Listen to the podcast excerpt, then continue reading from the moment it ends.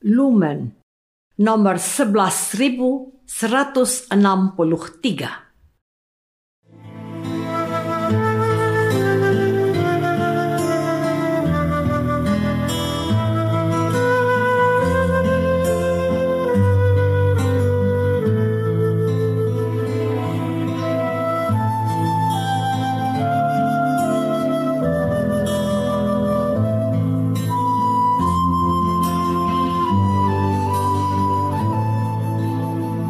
Saudara pendengar di segenap penjuru tanah air, selamat bergabung dengan Lumen Indonesia. Lumen Indonesia siap melayani Anda setiap hari. Saudara terkasih, marilah kita bersatu dalam Tuhan kita Yesus Kristus yang tidak berubah dahulu, sekarang, dan selama-lamanya. Allah Sang Maha Rahim mengasihi dan menerima sebagaimana adanya kita Allah Bapa kita di surga senantiasa bersedia menolong, menghibur, dan meneguhkan kita dalam menghadapi segala permasalahan hidup sehari-hari.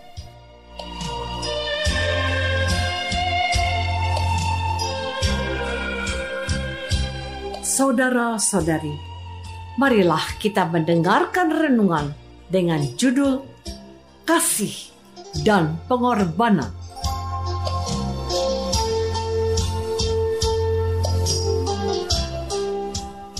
yang berdasarkan pada Injil Matius bab 25 ayat 45. Maka ia akan menjawab mereka, Aku berkata kepadamu, sesungguhnya segala sesuatu yang tidak kamu lakukan untuk salah seorang dari yang paling hina ini, kamu tidak melakukannya juga untuk aku.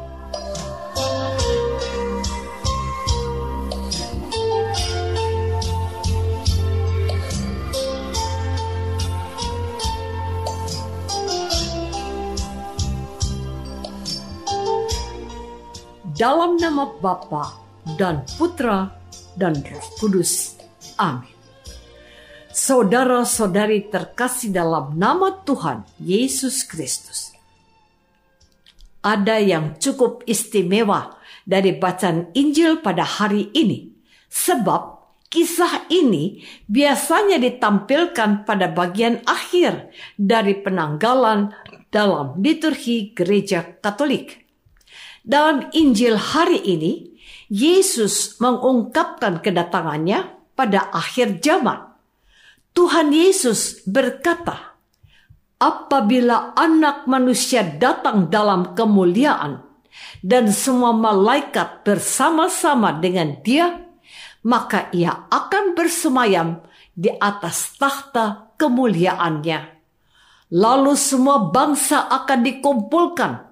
Dan ia memisahkan mereka seorang daripada seorang. Raja itu akan berkata kepada mereka yang di sebelah kanannya, Mari, hai kamu yang diberkati oleh Bapakku, terimalah kerajaan yang telah disediakan bagimu sejak dunia dijadikan.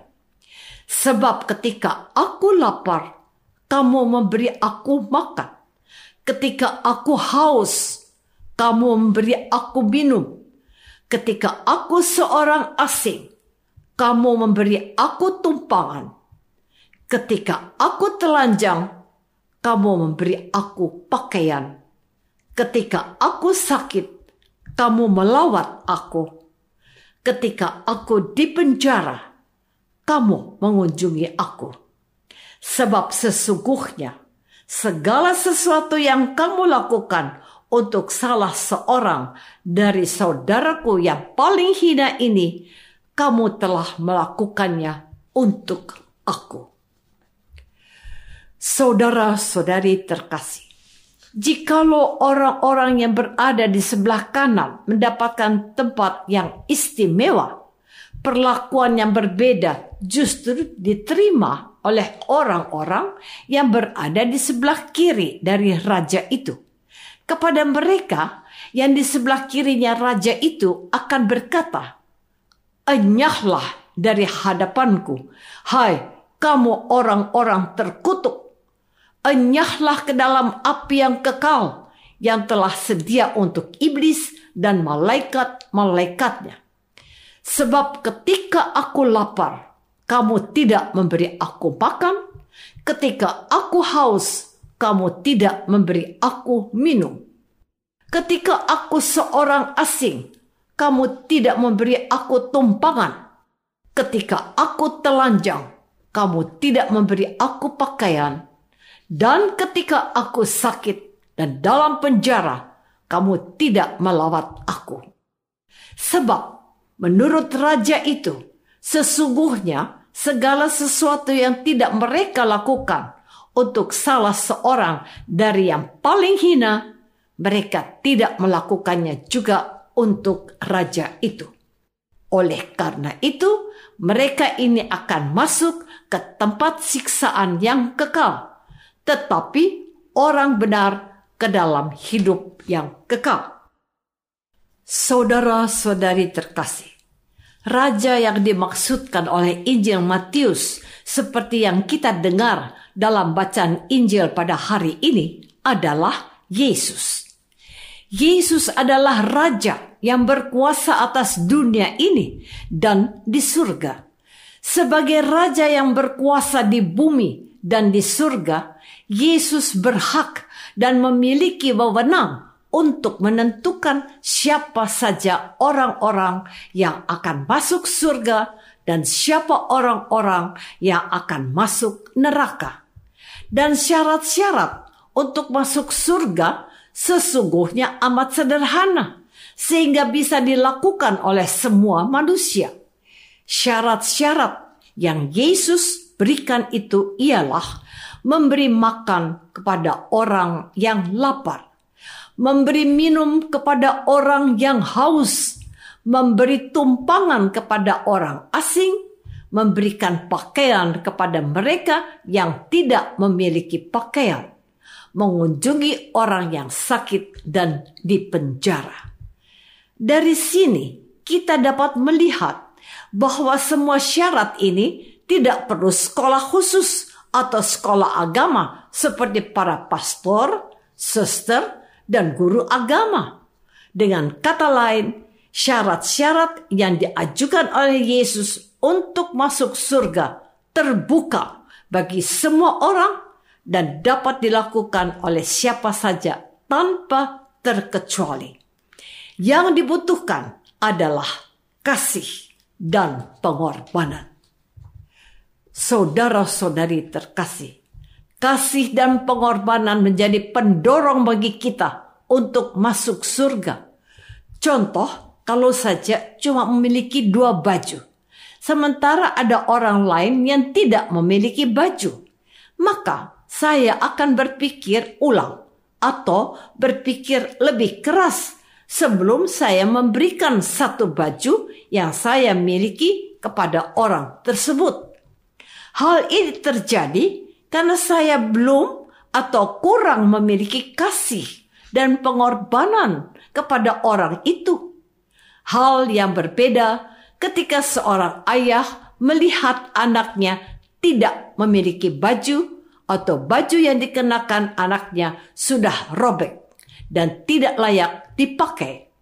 Seorang ayah akan melakukan apa saja untuk anaknya yang tidak memiliki baju, bahkan sampai satu-satunya baju yang ia miliki dan dia kenakan akan ia berikan kepada anaknya. Hal ini terjadi karena ayah itu memiliki kasih dan pengorbanan kepada anaknya dan sesungguhnya lewat bacaan Injil pada hari ini, Tuhan Yesus mengajak dan mendorong kita agar kita memiliki kasih dan pengorbanan kepada sesama, termasuk mereka yang tidak kita kenal, layaknya hubungan seorang ayah atau ibu dengan anaknya. Secara khusus, di masa prapaskah ini, kita diberikan kesempatan untuk mengasihi dan berkorban.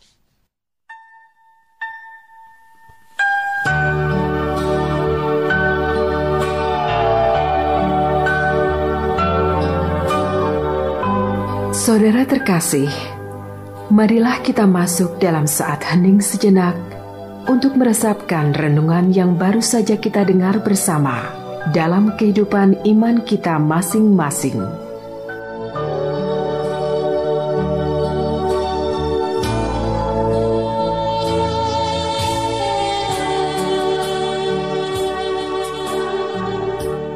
Apakah kita sudah memiliki kasih dan pengorbanan kepada sesama, termasuk orang asing, layaknya hubungan ayah atau ibu dengan anaknya? Marilah kita berdoa. Tuhan Yesus Kristus, Engkau hadir dalam diri sesama yang lapar, haus, tidak memiliki tempat tinggal, tidak memiliki pakaian, orang yang sakit dan dipenjara. Semoga di masa prapaskah ini kami umatmu terdorong untuk berkorban bagi sesama dengan menyisihkan sebagian dari rezeki kami. Doa ini kami persembahkan dalam namamu, Tuhan dan pengantara kami. Amin.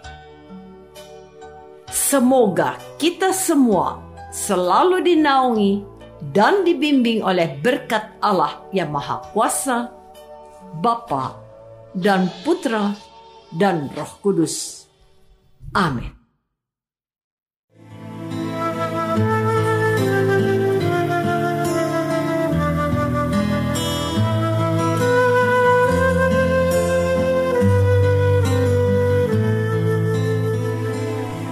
Dengan penuh kasih dan sukacita, Lumen Indonesia mengundang saudara-saudara seiman di segenap penjuru tanah air.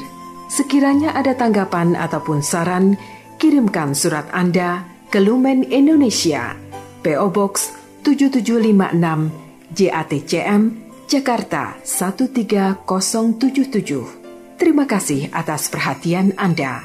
Sampai berjumpa lagi dengan Lumen Indonesia pada waktu dan gelombang yang sama esok hari.